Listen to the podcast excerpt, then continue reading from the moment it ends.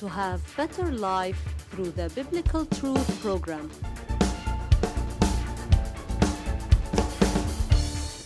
The title of today's biblical truth, Intercession of the Queen, changed the fate of her people.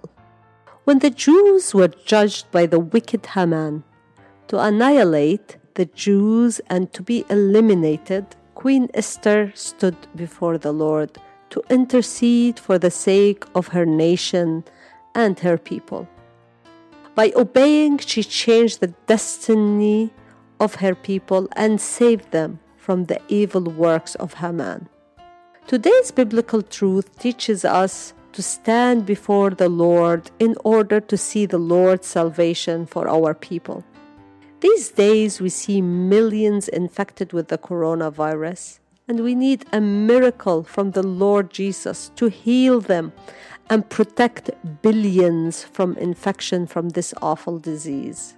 In Esther 4:16, Esther urges Mordecai, saying, Go, gather all the Jews who are present in Shushan, and fast for me, neither eat nor drink for three days, night or day.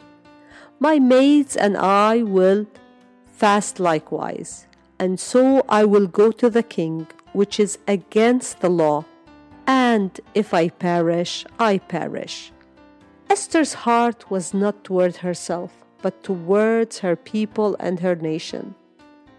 Let us nowadays direct our hearts toward our nations for the sake of the souls, for the sake of our families, for the sake of our work colleagues. Let us tell the Lord, Here, I am putting my life in your hands to see the salvation and recovery of our nation and our families and our colleagues.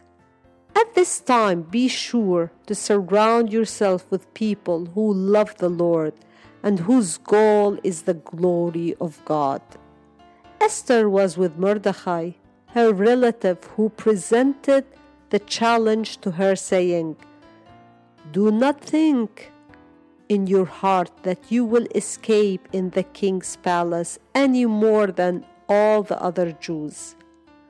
For if you remain completely silent at this time, relief and deliverance will arise for the Jews from another place, but you and your father's house will perish.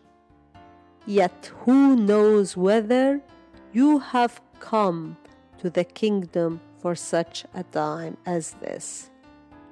Let us therefore come boldly to the throne of grace, that we may obtain mercy and find grace to help in time of need, to see the salvation of our nation and a great revival prevailing in our countries.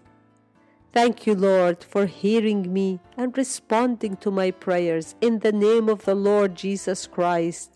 Amen and amen. May the Lord bless you in a new episode of the Biblical Truth program.